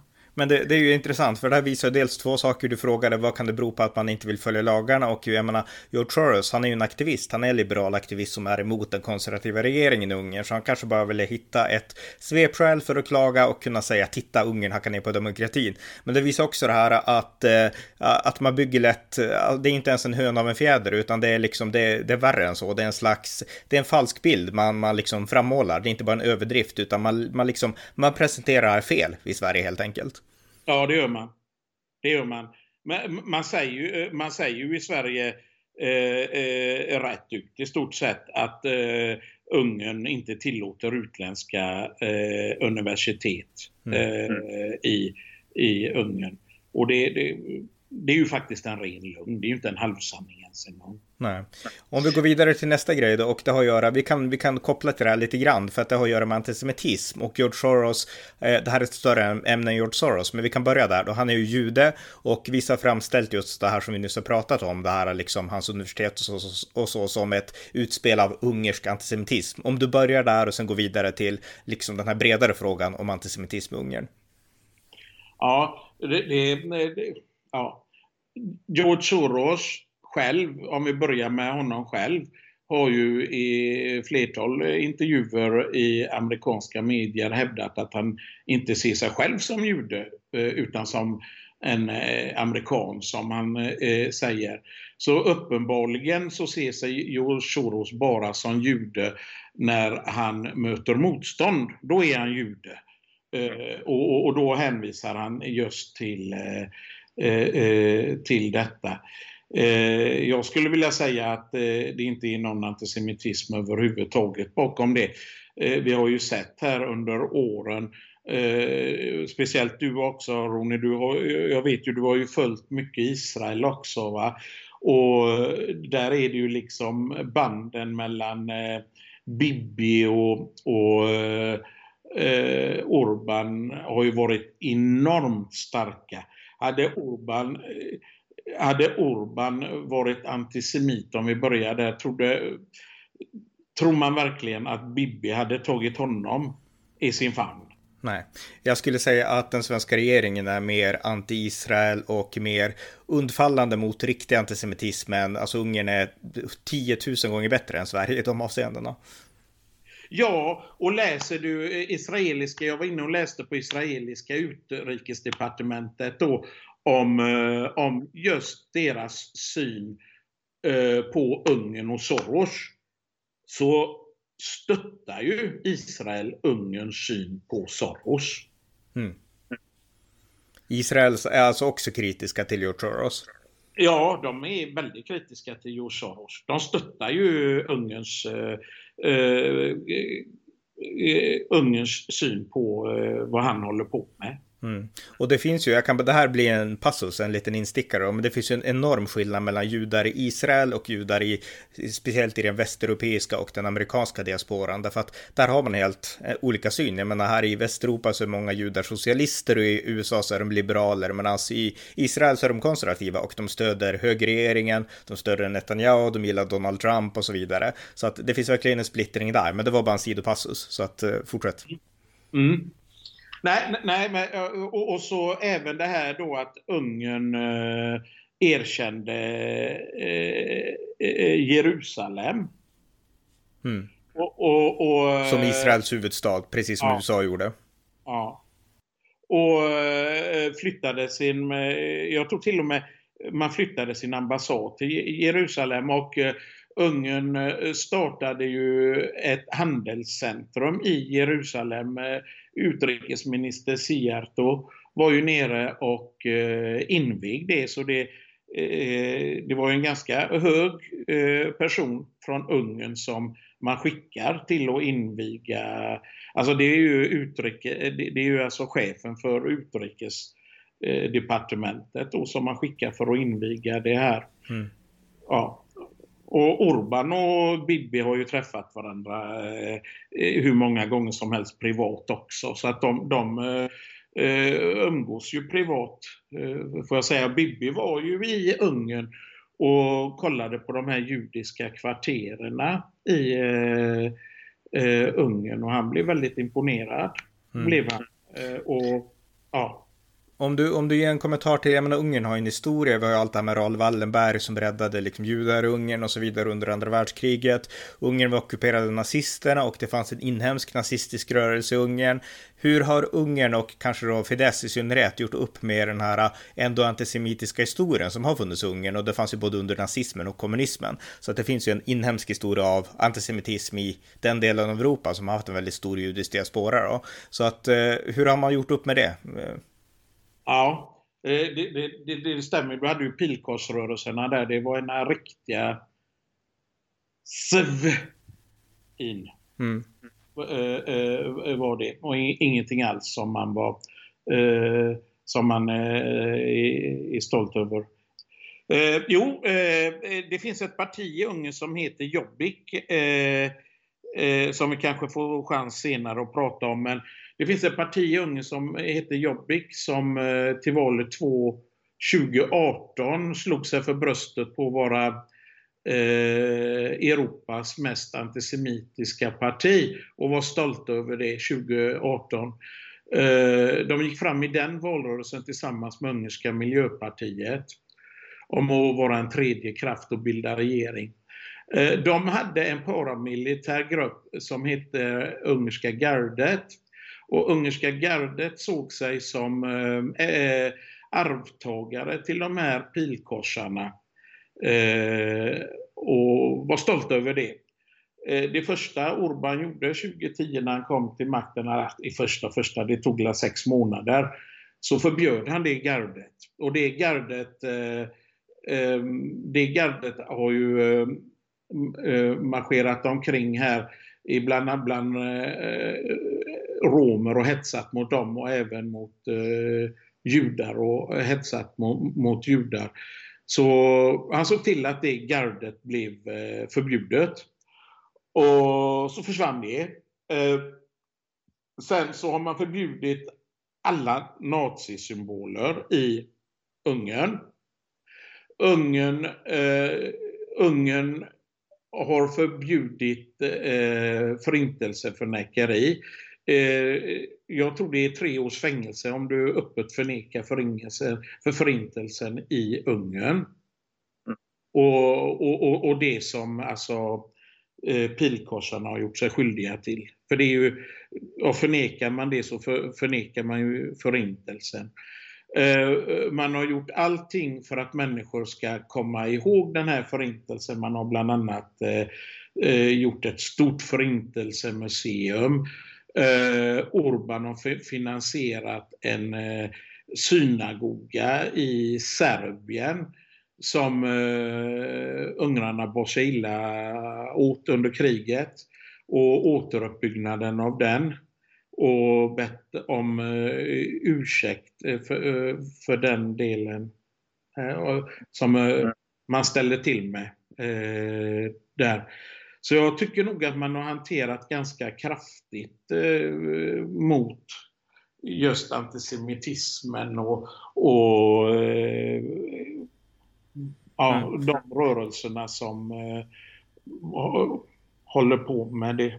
Ja, men om vi, om vi tar situationen här och nu då, för det är intressant, man har gjort upp med sin historia. Jag menar, här och nu i Sverige, då är det så att, här att judar, till exempel i Malmö, många känner att vi kan inte bo kvar därför att antisemitismen växer så mycket på grund av ja, massinvandring från den islamiska världen. Så jag menar, Sverige har problem med modern antisemitism på ett sätt som ja, få andra länder egentligen har i jämförelse med hur, stora problem börjar bli här i Sverige.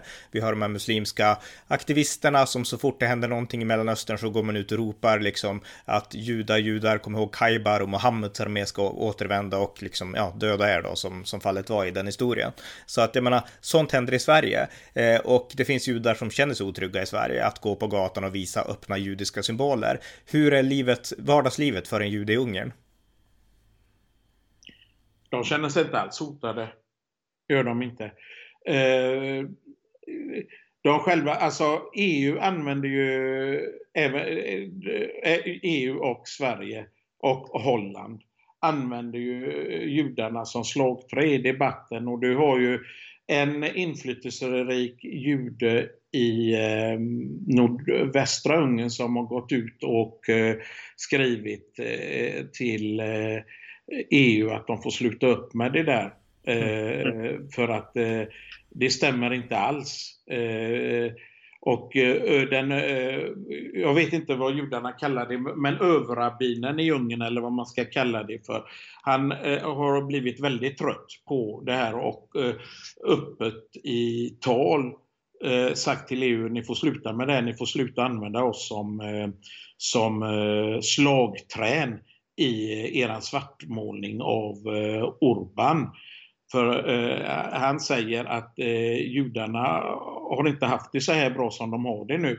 Den judiska kulturen eh, har aldrig frodat så mycket som den gör eh, i Ungern idag. Och eh, det är bara att gå in till de judiska eh, det är bara till att gå in till de judiska kvarteren i Ungern, sätta sig på restaurangerna där eller sätta sig på barerna där och, och, och njuta. Och är det någon som, som man sa, som ropar eh, typ motsvarande jude gå hem eller judejävlar eller någonting sånt där som kan komma så, så är det nio av tio fall folk från Västeuropa som gör det. Mm. Uttryckte han ganska tydligt. Ja, ja, och, ja.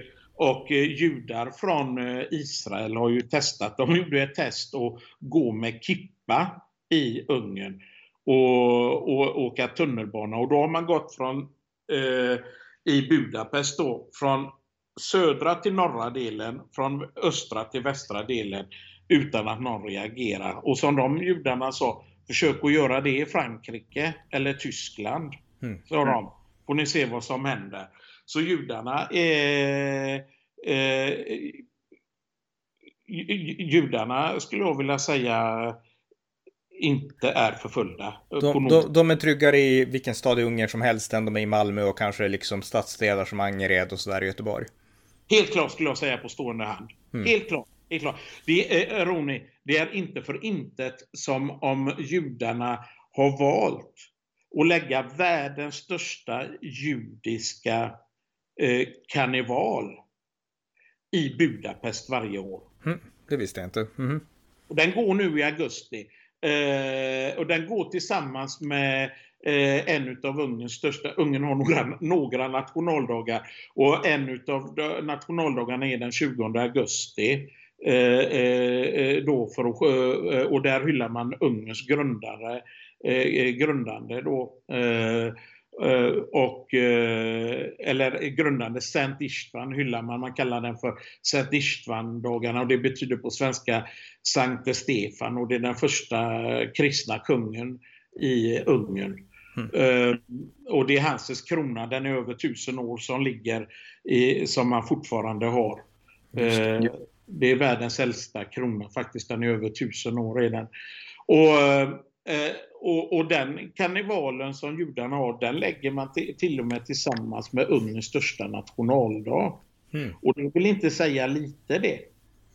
Nej, det, det säger ju mycket som helst. Jag menar, jag tror inte vi har något liknande i Sverige. Jag menar, jag har, som sagt, jag har inte varit i Ungern, men jag har varit i Polen och då var jag och, eh, ja, jag var i ett av de här judiska kvarteren i, eh, ja, vilken stad var det nu igen? Warszawa tror jag att det var. Och där så, ja, men jag satt på judiska restauranger och lyssnade på judisk musik, pratade med de här liksom, ja, men då så fanns där och väldigt många judar och turister också såklart då. Men, men alltså, det var helt, eh, ja, det var ett judiskt område mitt i Polen och ingen verkade bry sig om det alls liksom. Medan här i Sverige, jag menar det finns ju mängder av, det är väl inte officiella, men inofficiellt har det blivit muslimska områden. Men jag vet ingenstans i Sverige där man kan se liksom, ja men ortodoxa judar i Sverige liksom. Men det finns massa områden med liksom salafi-muslimer som går, går, går omkring med sitt långa skägg och sina vita kaftaner och liknande. Så att, eh, ja, det är också en skillnad.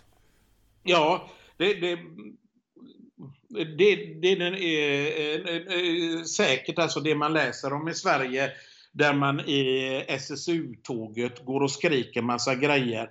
Eh, och sen så det, står han, Stefan Löfven, upp och säger att han ska bekämpa antisemitismen. Då kan han ju börja i sitt egna parti, tycker jag. Det borde ju vara lättare ja. att börja där innan han eh, eh går vidare. Och han ska ju definitivt inte kasta skit på Ungern. Nej, uh, nej. nej, nej alltså Stefan Löfven och Socialdemokraterna i Sverige, alltså de vill ju på något sätt, de, de lever i liksom, de vill prata om Hitler ungefär och Hitler han dog för typ en evighet sen och nazismen sen dess är, ja, den är hanterlig i alla fall. Det är ju ett problem på vissa håll såklart, men det är ju inte, det är inte nazism idag som är det stora hotet mot judar i Europa, utan det är, alltså det är islamism kort och gott och där är ju Stefan Löfven och Socialdemokraterna helt blinda för den islamistiska, islamiska antisemitismen. Ja, det, det tycker jag. Det, det, det, tycker jag att de är. För att eh, hade han inte varit blind, så, eller vad han nu är, det vet jag inte, så, så hade han ju börjat med att göra rent hus i sitt egna parti som sagt var. För mm. det, det, där har han ju all makt och det, det kan han göra idag, Ronny. Ja. Det kan han göra idag. Mm. Och, och, och, och, och, sen så är det så här att det finns ju, när det gäller antisemitism i Eh, Eh, i Europa. Och det här tycker jag är väldigt konstigt. Men det finns ju alltså en, den enda empiriska eh, undersökningen och rapporten som har gjorts om antisemitism i Europa är gjord av EU. Den går, den går att finna, eh, den heter FRA. Och eh, eh, Jag har laddat ner den eh, och det är ju en gedigen eh, rapport på väldigt många studier. Alltså de, de har kollat allting. Och den sträcker sig från 2012 till 2018.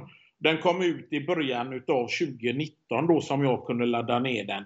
Och eh, den sträcker sig i stort sett två år efter Orbans eh, maktövertagande. Mm. Eh, till 2018 där han fortfarande, han, har, han, sitter ju, han är ju vald och sitter i makten fortfarande då. Va? Och den är väldigt intressant, för den går igenom jättemycket. Men om vi ska göra saken kort så är det i alla fall eh, sammanfattningen av antisemitismen i Europa har de ju på sista tiden då. Och där är ju ett par eh, staplar där de jämför studiens början 2012 med med studiens eh, slut då 2018. Och då har man lagt ihop alla studier och gjort en sammanfattning på dem. Och där ser man ju, eh, där ser man ju hur antisemitismen ser ut i, i, i, Europa. Och där ser man att alltså, Sverige ligger ju över Ungern nu. Mm. Från att ha varit under Ungern eh, när man började 2018. Och då kan man ju också tänka sig varför har antisemitismen i Ungern minskat helt plötsligt? Eh, eh, jag vill hävda att det har med Orbans arbete mot antisemitism att göra. Det betyder jättemycket, eh, tror jag. För, mm. för den har ju minskat och gått ner om man tittar på staplarna. Och nu minnas eh, till exempel antisemitismen i Sverige från 2012 till 2018 har ökat markant och, och, och man är om eh, till exempel Ungern idag. Och eh, du och jag vet ju till exempel också att, eh, att eh, Margot Wallström som gärna öppnar munnen eh, när det passar henne som har en palestinsk flagga hängande hemma hos sig. Jag har sett en bild på det när, när hon är hemma eh, hos sig själv. Eh, och hon är ju dels med i Wiesenthal-centrets svarta bok när det gäller antisemitism. Och hon är dels portad i Israel. Mm. En utrike, före detta utrikesminister för att man anser att hon är antisemit. Eh, eh, mm. och, och, vem är Sverige att prata antisemitism Nej. mot andra länder? Ingen ungersk minister är bannlyst i Israel antar jag?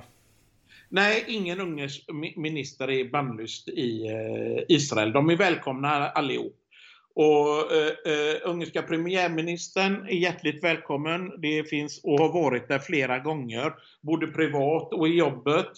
Och eh, den eh, ungerska utrikesministern Siato är heller inte bannlyst i, eh, i eh, Israel. Det, det, det, ja. Mm. Ja, eh, intressant. Finns det något mer att säga just om antisemitismen och så, eller ska vi gå in på avslutningen här? Det, det, det, gör det väl inte, men mer än att eh, de som verkligen är intresserade och vi, vi, alltså kolla på den eh, eh, eh kolla på den eh, undersökning jag hänvisar till. Och, och, och, vill säga det, det är väldigt konstigt att de politi politikerna och journalisterna som skriker mot Ungern då eh, eh, om detta och sitter i intervjuer i Europaparlamentet, Malin Björk och Alice Bah Kuhnke eh, som gnäller mest om detta. Eh, att de inte använder EUs egna undersökning om detta. Mm. Eh, jag vill veta vad, vilka undersökningar de hänvisar till när de säger att Ungern är så antisemitiskt. Mm. Ja, det skulle vara väldigt intressant. För de använder sig inte om EUs egna undersökningar i alla fall. Nej, nej men det är återigen, alltså, de bygger inte på fakta utan de målar en svart bild och sen så utgår de från att den allmänhet de pratar om, främst svenskar då, att man ska ta liksom det här för givet bara utan att ifrågasätta. Så att det är därför vi gör den här podden, för att visa att de har inte fakta på, de, de bygger inte på fakta det de gör. Nej, det gör de ju inte. De bygger och, och definitivt inte på den enda empiriska rapporten och utredningen som har gjort om läget. Eh, eh, skulle jag gå ut med någon källa så är det ju den källan jag skulle gått ut med. Mm. Och gör. Ja, precis, precis. Eh, vi går vidare på slutet här då. Alltså när Tucker Carlson intervjuade Viktor Orbán, då sa han så här att han var dels förvånad över kritiken då från det liberala USA. Han sa att för några år sedan så skulle jag aldrig ha liksom trott det här ens och sen pratade han om det. Eh, och så gick han in, också in lite grann på att det är val nästa år och vilka som stod emot honom och så. Och eh, som sagt, det är val i Ungern nästa år, parlamentsval i april 2022. Och eh, ja, du är ungersk medborgare så att du får rösta och sådär. Men, men kan du berätta lite om det här valet? Vad som står på spel, vilka partier som står mot varann och eh, ja, hur allmänheten uppfattar Viktor Orbán och vilka chanser han och hans parti kommer ha. Ja, eh, eh, jag tror att Viktor Orbán och Fidesz har väldigt stora chanser om vi börjar där. Eh, vi kan ju bland annat se här, eh, man har gjort en undersökning nu hur vad folk skulle eh, rösta lite om man skulle lägga sin eh, röst på den socialistiska eh, kandidaten eh, som för övrigt är Budapest borgmästare, Karacan och Viktor Orban. Och om de skulle lägga det på någon annan så visar det sig här att mellan 49 och 50 procent ganska stabilt skulle lägga sin röst på eh, eh, Orban utan den sista månaden. Då har eh, Orbans eh, eh popularitet eller ökat till 55 procent. Och det tror jag har att göra med eh, det vi pratade om i, våra förra, i, ditt, i din förra podd med eh, att EU nu eh, och massa länder bombar Ungern med det här med HBTQ. Och det är ju så här att eh, eh, jag tror ju att man gör det för att skrämma ungrarna. Man börjar nu i lagom tid, eh, några månader innan för eh, valuppgången har ju börjat så att säga. Va? Och försöka skrämma ungrarna till att rösta rätt. Mm. Och eh, som jag sa i podden att jag tror att eh, det kommer få motsatt effekt. Att eh, deras attacker mot ungrarna inte kommer att ge eh, det resultatet som de vill. Och jag tror det stärks lite eh, när vi ser att Orbans popularitet har nu vuxit till 55 Att det är 55% som vill se Orban som premiärminister i eh, Ungern. Och, och för ungrarna slutar upp. De känner sig påhoppade, orättvist behandlade. Uh, och, och, det skulle inte alls, om EU, Sverige och Holland, för det är ofta Sverige och Holland som är gapigast, fortsätter den taktiken så kommer det spela Orban i händerna ännu mer, tror jag. Mm. Mm. Så, så, så är, tror jag att läget är.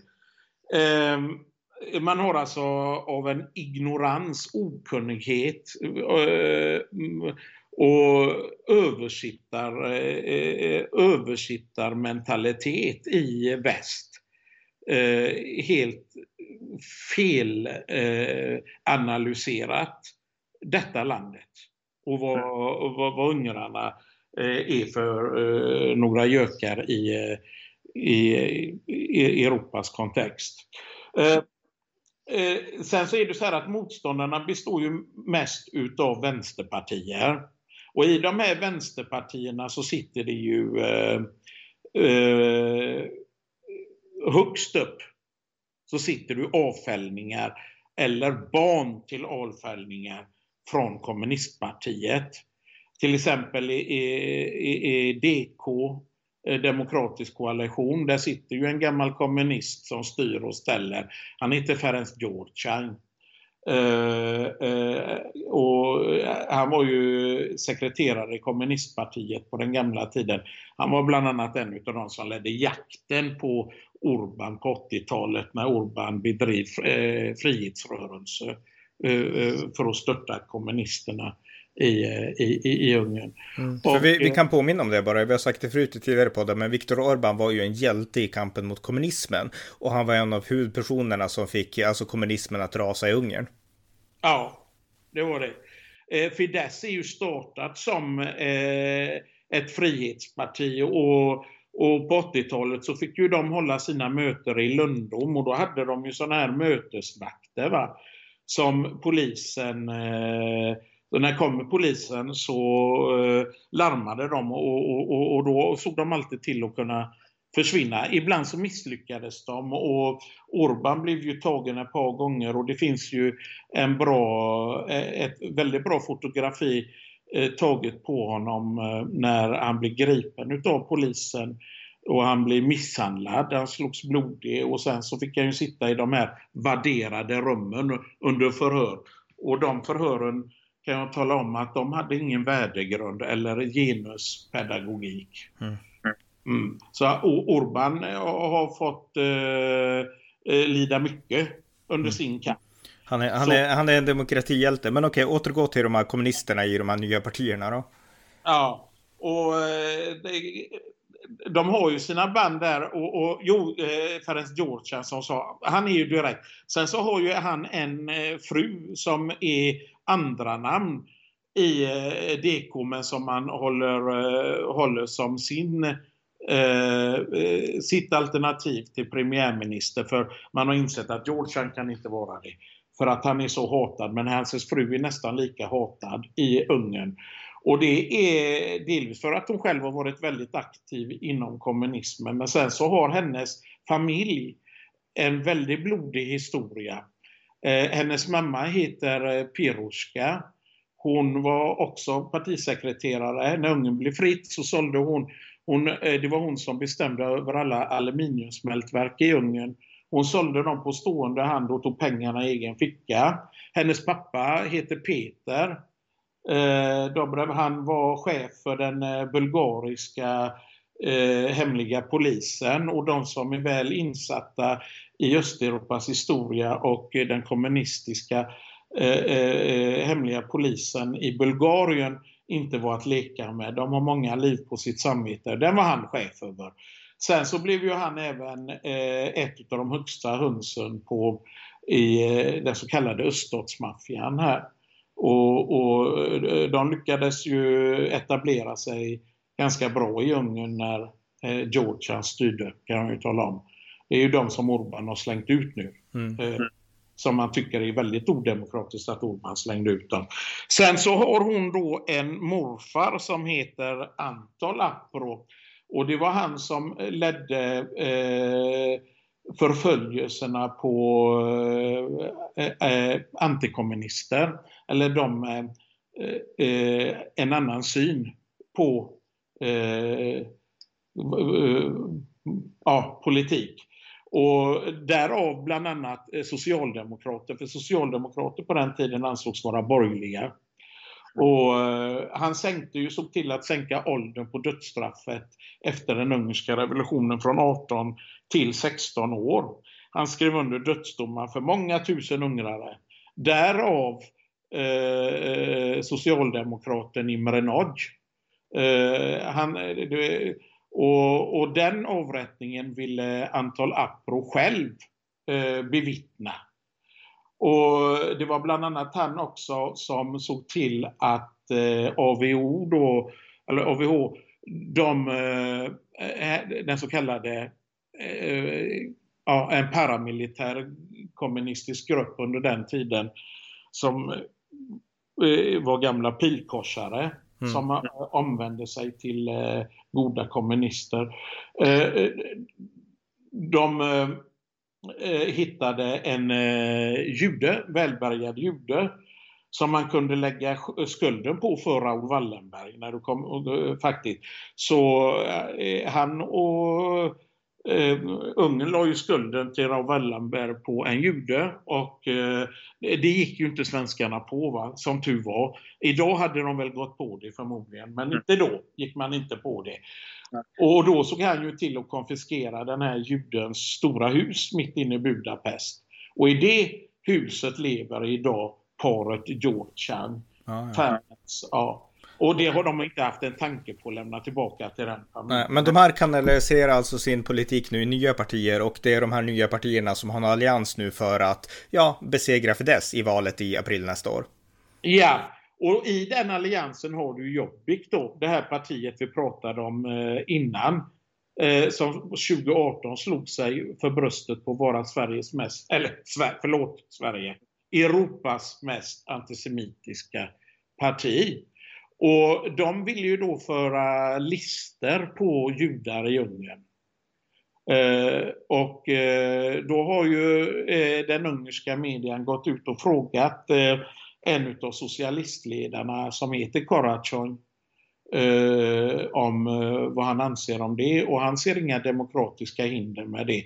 Så att socialisterna och nazisterna i Ungern verkar ha, ha hittat varandra ganska bra här.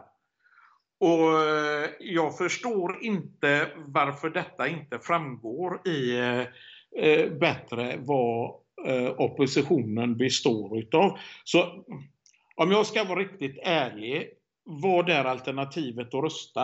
Alltså, jag, jag skulle ju vilja ha ett alternativ, Ronny. Mm. Jag, jag, tycker att ett bra alternativ är bra för demokratin. Ett starkt alternativ är alltid bra för demokratin. Eh, men det, då förstår ju folk vad jag tänker rösta på, va? men jag skiter i det.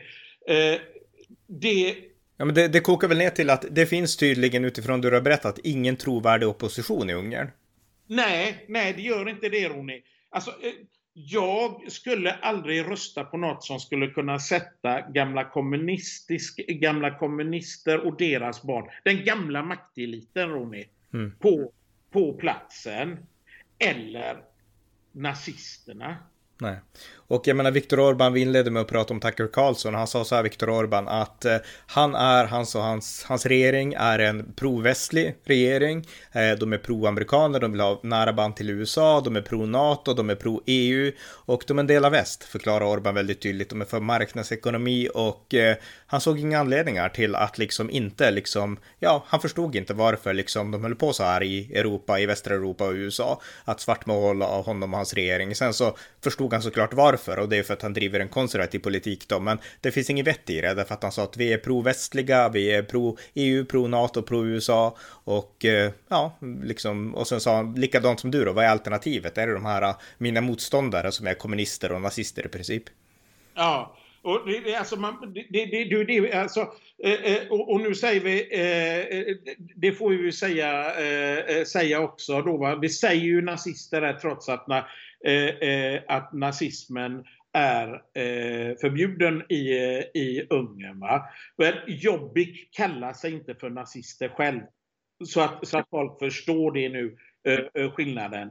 De kallar sig inte nazister själva.